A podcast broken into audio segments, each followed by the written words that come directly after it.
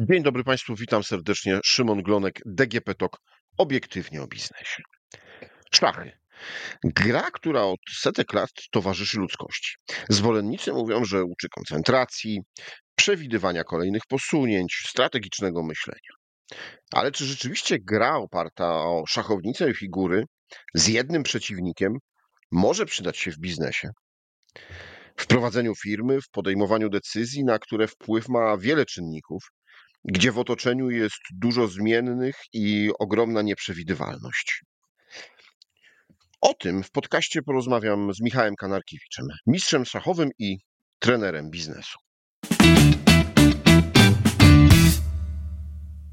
Dzień dobry. Dzień dobry, dziękuję za zaproszenie. Dlaczego to szachy mają być tą y, najlepszą grą dla biznesu, a nie poker albo Monopoly?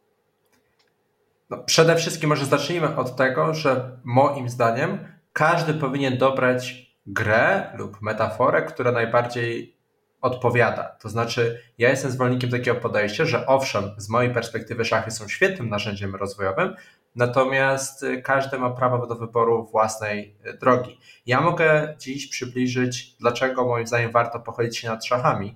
I takim pierwszym aspektem, na który warto zwrócić uwagę, to jest to, że szachy uczą świetnie myślenia scenariuszowego, czyli rozważania różnych scenariuszy, jak sama nazwa wskazuje, a także konsekwencji, które e, za nimi podążają i myślenie o endgame'ie, czyli o tym, co będzie na końcu każdej e, z tych ścieżek, pomaga w zwizualizowaniu, ale takim e, zdrowym wizualizowaniu tego, co może, co może się wydarzyć. I myślę, że gra w szachy dla wielu osób, również z, z środowiska biznesowego, może być cennym uzupełnieniem właśnie w tym zakresie, czyli kompetencji planowania, bo szachiści od dziecka uczą się tego, by myśleć, jak to się często mówi o szachistach, na trzy ruchy do przodu, chociaż oczywiście w, e, tak naprawdę w, w rzeczywistości jest to więcej niż trzy ruchy do przodu, natomiast mówi się, jest taka obiegowa opinia o myśleniu na trzy ruchy do przodu. Mhm. E, no dobrze, powiedział Pan o tym e, myśleniu e, scenariuszowym, e, no ale m, łatwo się zapędzić e, w biznesie e, nad wymyślaniem kolejnych scenariuszy, e, a jak to wiele osób mówi, życie i tak przyniesie coś nieoczekiwanego i scenariusz, na który byśmy kompletnie nie wpadli. To prawda. Jedyna pewna rzecz o strategii, tak się często mówi, że jedyną pewną rzeczą strategii jest to, że ona na pewno się zmieni w trakcie. Natomiast z mojej perspektywy, a także z perspektywy szachistów, to nie zmienia faktu, że warto tą strategię mieć i nawet jeżeli ona się zmieni w trakcie, co jest raczej jasne, mm, to myślę, że zamiast zmieniać całkowicie strategię, całkowicie plan, to myślę, że warto dostosowywać taktyki, czyli pojedyncze kroki, które pomagają zrealizować strategię. I myślę, że tutaj wchodzimy w bardzo ważne rozróżnienie pod tytułem taktyka versus strategia. Taktyka, czyli pojedynczy krok, najczęściej w horyzoncie krótkoterminowym, versus strategia, która zwykle jest długoterminowa. Zdaję sobie sprawę, że są strategie krótko, średnio i długoterminowe, natomiast dla uproszczenia taktyki są krótkoterminowe i to są pojedyncze kroki, które pomagają zrealizować strategię. I rzecz jest w tym, żeby e, mieć takie podejście i to zachęcam do tego, by strategia, czyli kierunek działania była w miarę stała, czyli żebyśmy wiedzieli, dokąd zmierzamy, natomiast taktyki możemy elastycznie dostosowywać do zmieniających się e, warunków. I to, co Pan powiedział o tej zmienności, to rzeczywiście ja to bardzo często słyszę, jak prowadzę szkolenia, czy, e, czy występuję na, e, na eventach filmowych. Bardzo często słyszę taką obiekcję pod tytułem: No dobra, Michał, wszystko fajnie o scenariuszach, ale świat się szybko zmienia. Występuje tak zwany czarny łapędź, czyli zjawisko mało przewidywalne, mające duże, duże efekty. Przykład COVID, na przykład pandemia COVID-19 ale rzecz jest tym, by mimo tego, że pojawiają się wydarzenia, które są mało przewidywane, a mające ogromne efekty, czyli, na, czyli te czarnowa będzie, to jednak mimo to planować, ponieważ moim zdaniem lepiej jest realizować 80% ze 100% zaplanowanego planu, niż żyć strategią carpe diem albo ewentualnie strategią gaszenia pożarów, czyli ciągle, ciągłe e, reagowanie takie reaktywne na to, co przyniesie życie bo to też pokazują badania Harvardu, że zespoły, które e, pracują nad strategią i nawet pomimo tego, że ona się zmienia w trakcie, no to po prostu zyskują lepsze efekty od tych, które nie podejmują tego wysiłku związanego z planowaniem, bo tak jak Pan mówi, pokusa, by zrezygnować z planowania coraz jest większa, ponieważ duża zmienność e, świata, duża zmienność okoliczności i, e, że tak powiem, uwarunkowań środowiska biznesowego. Natomiast to nie zmienia faktu, że warto to robić i nawet z premedytacją to powiem, być gotowym, świadomym tego, że na pewno coś się zmieni w trakcie, ale wciąż zrobienie 80% ze 100% planu jest lepsze niż strategia gaszenia pożarów. Czyli można powiedzieć, że lepiej przygotować strategię i po jej przygotowaniu od razu wiedzieć, że się na pewno jej nie wprowadzi w 100% w życie, niż nie przygotować żadnej strategii.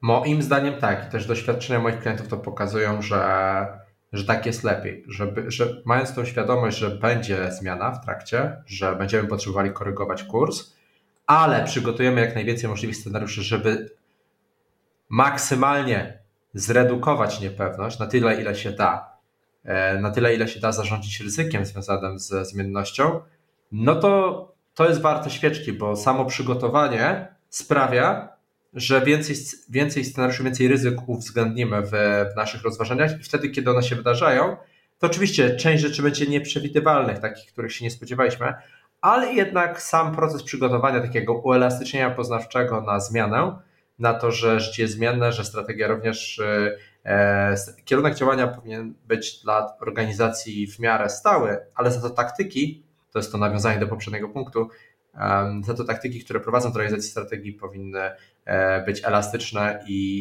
i, i spokojnie tutaj można e, reagować na, na, na, na, zmieniające się też warunki. Zmierzam do tego i to jest konkluzja z tego punktu strategii i taktyki oraz tej zmienności, o którą Pan pytał, że właśnie moim zdaniem lepiej przygotować wiele scenariuszy i mieć tą świadomość, że może dojść do zmiany i że prawie na pewno ta zmiana się wydarzy, niż tej strategii nie mieć. Dobrze, to ja jeszcze zapytam troszkę innego e, punktu, no bo e, na końcu jest cel. E, celem firmy jest rozwój, osiąganie zysków dla właścicieli, akcjonariuszy. Celem w szachach jest wygranie. Do tego prowadzi jakaś strategia, no i taktyka. Tylko, że o ile w szachach można przewidzieć ileś ruchów, e, w których ta partia się zakończy i ten sukces po jednej stronie, czyli zwycięstwo, będzie, no to tyle w biznesie ten sukces jest, y, no, sky is the limit, tak? Y, jakby sukcesem nie, nie można określić takiego jednego końcowego sukcesu biznesu. To prawda. Myślę, że tutaj dotknął Pan bardzo ważnej, fundamentalnej kwestii, jaką jest to, że szachy są grą o sumie zerowej, czyli że wygrywasz, remisujesz lub przegrywasz zero-jedynkowo. Natomiast biznes, jak to trafnie uchwycił Simon Sinek w swojej książce Gra bez końca, no właśnie biznes jest grą bez końca. I tak jak Pan mówi, zresztą bardzo słusznie, że w biznesie na koniec dnia mm, może być tak, że po prostu chcemy być coraz lepszą wersją samych siebie, jako organizacji i sky is the limit i tak dalej. Natomiast myślę, że to, co... Ja przepraszam, że przerwę, ale tak? w biznesie na koniec dnia może być tak, y, że mm, człowiek nim zarządzający, biznesmen, właściciel firmy, menadżer y, dojdzie do wniosku, że jest i zwycięzcą y, i osiągnął remis i przegrał tego samego dnia i, no i jest taki trochę, no można powiedzieć, mm, no nie wiem, czy to jest smak zwycięstwa.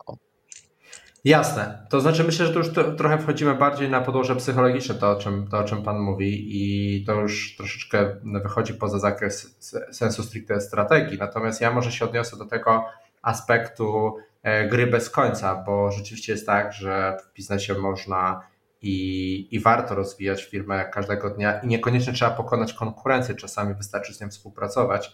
Natomiast szachy są grą o sumie zerowej. I w tym kontekście to jest istotna, ważna różnica pomiędzy szachami a biznesem. Myślę, dlatego też tak to wynika i tak też często jest z wieloma tego typu metaforami, nie tylko szachową, ale też innymi, że to jest metafora, która ma służyć rozwijaniu konkretnych kompetencji w zakresie biznesowym. Bo ja bym nie powiedział czegoś takiego, że graj w szachy i na pewno będziesz świetnym biznesmenem, przedsiębiorcą, menedżerem. To niekoniecznie tak musi być. Ale jeżeli potraktujesz szachy jako metaforę, jako narzędzie do rozwijania chociażby zmysłu strategicznego myślenia, logicznego myślenia, planowania, e, w tym scenariuszowego, e, przewidywania ruchów konkurencji, e, też potraktujesz to jako takie, nazwijmy to, mentalne spa pod kątem treningu koncentracji, to to jest obszar, w którym realistycznie szachy mogą pomóc. Szachy nie są receptą na wszystko w biznesie, bo to jest bzdura. Jeżeli ktoś takie rzeczy opowiada, to raczej, raczej pania Luki. Z mojej perspektywy szachy są narzędziem, jak wiele innych narzędzi, które mogą tym pomóc, a wyjątkowość szachów polega na tym, że łączą przyjemne z pożytecznym. To znaczy, z jednej strony jest przyjemny aspekt grania w szachy dla taki aspekt powiedzmy hobbystyczno-sportowy, gdzie można też e, przy okazji się wysilić, potrenować, e, poćwiczyć umysł, a z drugiej strony mam ten aspekt użyteczny, czyli jednoczesnego rozwoju, przy, że tak powiem, przy okazji. I, I myślę, że to jest cenne, jeżeli chodzi o, o szachy. Dodatkowo królewska gra ma też taką konotację, no właśnie, jak sama nas wskazuje, królewską, no bo szachy grano kiedyś tylko na królewskich dworach, a dziś wciąż są traktowane jako taki sport, e, powiedzmy w pewien sposób e, premium i powiedzmy, że w tych kategoriach jak tenis, golf, co troszkę się zmienia, bo szachy stają się coraz bardziej popularne, globalne i docierające do szerokiego odbiorcy. Natomiast ta otoczka wokół szachów też jest taka sprzyjająca i dla menedżerów, e, przedsiębiorców, osób, które zarządzają biznesem, to też jest fajna okazja do budowania wartościowego networkingu. Ja poznałem bardzo wiele osób e, wpływowych i osób, które robią ciekawe wartościowe rzeczy właśnie przy szachownicy. I nie mówię tu o turnieju szachowym, bo turniej szachowy to jest osobna historia. Ja mówię tu bardziej o okazjach biznesowych i wiem, że wiele osób również się poznało po prostu przy szachownicy. To jest takim, taką wartością dodaną do, do całości otoczki. Jest zatem taki wiek, w którym y, trzeba się nauczyć grać w szachy, albo w którym już jest za późno, żeby się uczyć grać w szachy? Jeżeli chodzi o podejście hobbystyczne, to dolną granicą, trudno powiedzieć, bo to zależy oczywiście od dziecka i predyspozycji pewnych, natomiast y, wiek przedszkolny, myślę, że to jest bezpieczna odpowiedź, wiek przedszkolny, a górnej granicy nie ma. W każdym wieku można się nauczyć grać w szachy. Ja powiem więcej, że nauczenie się podstaw gry w szachy zajmuje około godzinę. Ja zresztą taką książkę popełniłem szachy w godzinę i to nie jest tak, że to jest obietnica marketingowa, tylko realistycznie można się nauczyć grać w szachy od podstaw, od zera do bohatera, bohaterki, czyli od momentu, kiedy nic nie umiesz, do momentu, kiedy umiesz grać pierwszą partię szachów, to, to zajmuje godzinę. I, I nauczyć się grać w szachy można w każdym wieku, w sensie górnej granicy nie ma.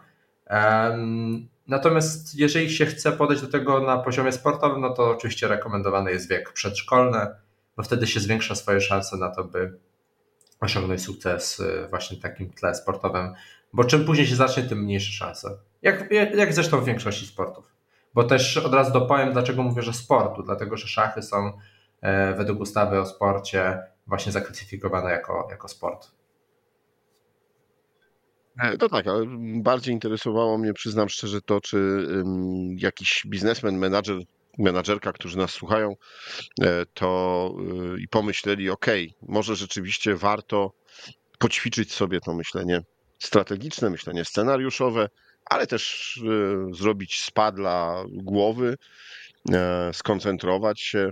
To w każdym wieku. To w, to, w, to w każdym wieku można grać w szachy i myślę, że tutaj warto dopowiedzieć i, i ja pracuję również w, trybie indywidualnym z klientami premium w taki sposób, że mamy konsultacje zazwyczaj raz w tygodniu, godzinę, e, a przez pozostały czas w wolnych chwilach korzystają z aplikacji mobilnych, gdzie na przykład w drodze na lotnisko, czy w drodze do, na spotkanie, czy w innej okoliczności, kiedy mogą wyciągnąć telefon, to zamiast, zamiast scrollować, mm, nie wiem, dajmy na to Facebooka, Instagrama czy, czy LinkedIna, to odpalają aplikację do szachów i tam są wbudowane tryby zadań. Na przykład jest taki tryb, gdzie w, w przeciągu 5 minut masz rozwiązać jak, najwięcej, jak największą liczbę zadań i dla osób, które już troszeczkę są wtajemniczone w szachy, to taka rozgrzewka każdego dnia rano daje ogromny efekt, nie tylko pod kątem szachowym, ale przede wszystkim takiego ćwiczenia właśnie myślenia scenariuszowego, bo tu jest i presja czasu, czyli 5 minut,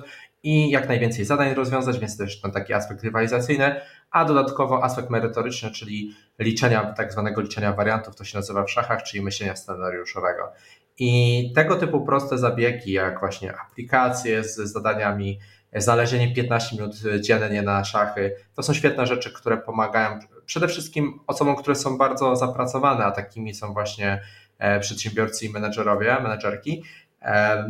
I zawężając właśnie do tej grupy, to jeszcze bym dopowiedział, że jest wiele filmów poradnikowych, chociażby na platformie e, YouTube, gdzie, gdzie można uczyć się grać szachy. Zresztą ja też regularnie publikuję filmy takie edukacyjne, poradnikowe i one zazwyczaj są około 8-10 minut, tak, żeby było łatwo przystępne, żeby łatwo było się z nich nauczyć grać w szachy i rozwijać kompetencje, a przy okazji właśnie ćwiczyć ten taki zmysł strategicznego myślenia, bo jeżeli ktoś, kto nas słucha, teraz zastanawia się, no dobra, a jak to wygląda w praktyce, to wygląda to tak, że najpierw trzeba nauczyć się podstaw w szachy, tak dosłownie ABC szachów, a potem przechodzimy do, do zadań, które już są takie typowo na myślenie strategiczne i tak naprawdę po kilku, po kilku spotkaniach już można ćwiczyć to myślenie strategiczne, chociażby w formie zadań w aplikacji, które są bezpłatne, jest bardzo ich wiele dostępnych w internecie, e, bez problemu można je wygooglować i myślę sobie i też tak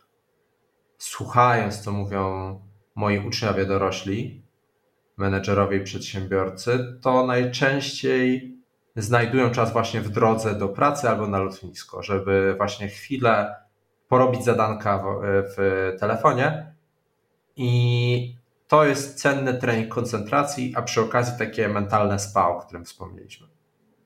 Mhm. E, no dobrze, a gdyby tak powiedzieć, jak to się może w takim codziennym życiu biznesowym przydać? No bo rozmawiamy o budowaniu strategii, o taktyce, no ale to są rzeczy, które strategię przyjmuje się raz na jakiś czas dla firmy. No i później się ją realizuje, a w takim codziennym e, życiu, codziennym podejmowaniu e, decyzji, to myślę, że tutaj kluczowe jest to, by myśleć strategicznie. A co to znaczy myśleć strategiczne? W dużym, w dużym uproszczeniu ja zachęcam do tego, żeby myśleć analizą SWOT. To znaczy, analizę SWOT każdy oczywiście zna z, ze szkoleń, ze szkoły, z różnych miejsc. Z tą analizą SWOT się spotkaliśmy. Ale mi chodzi o takie myślenie analizą SWOT w codziennym podejmowaniu decyzji w takich prostych sytuacjach, czyli myślenie kategoriami mocne, słabe strony, szanse i zagrożenia, ale na co dzień. I szachy też tego uczą, bo przy analizowaniu pozycji oraz podejmowaniu decyzji o tym, jaki będzie następny ruch, kiedy zastanawia się, jakie są jego mocne, słabe strony oraz szanse i zagrożenia wynikające z tego ruchu, to już jest duży postęp. I teraz w, codziennej, w codzienności biznesowej osób, które nas słuchają, myślenie, myślenie strategiczne właśnie w taki sposób jak analiza SWOT, oczywiście w uproszczenie, to trochę spłycam, ale myślenie taką analizą SWOT na co dzień to jest game changer dla wielu osób, żeby w codziennych sytuacjach biznesowych tak myśleć. Nie na zasadzie emocjonalnie, podoba mi się, nie podoba, co czuję o tym i tak dalej, bo to jest jeden aspekt i oczywiście emocje wpływają na podejmowanie decyzji e, i niewątpliwie tak jest. Natomiast szachiści starają się oddzielić emocje od podejmowanych decyzji. To znaczy starają się zachować tak zwaną zimną krew, w cudzysłowie, to znaczy w momencie, kiedy trzeba podjąć decyzję, to zamiast kierować się emocjami, starają się przeanalizować możliwe dostępne scenariusze, do, dostępne opcje, które są na stole, że tak powiem, do, do wybrania. I ta analiza SWOT w takim codziennym zastosowaniu, czyli myślenie strategiczne, e, może być tutaj przydatne. Więc to, jest, e, więc to jest taka rzecz, która na pewno pomaga, e, by, by, by te szachy, w sensie jako metaforę, zastosować w codziennym życiu biznesowym. Proszę Państwa, nie ma e, jednego leku na całe zło, e, nie ma jednej recepty na sukces w biznesie, ale warto, żebyśmy korzystali e, z różnych metod. I tak jak mój dzisiejszy gość mówi, warto, żeby wybrać sobie to, co nas najbardziej przekonuje. Może dla Państwa będą to szachy warto spróbować. Dziękuję panu bardzo za rozmowę. Szach i mat, dziękuję wszystkiego dobrego naszym słuchaczom, dziękuję za rozmowę. W podcaście DGP Tok Obiektywnie o biznesie moim i Państwa gościem był Michał Kanarkiewicz, mistrz szachowy, trener biznesu, a rozmawiał Szymon Glonek. Do usłyszenia.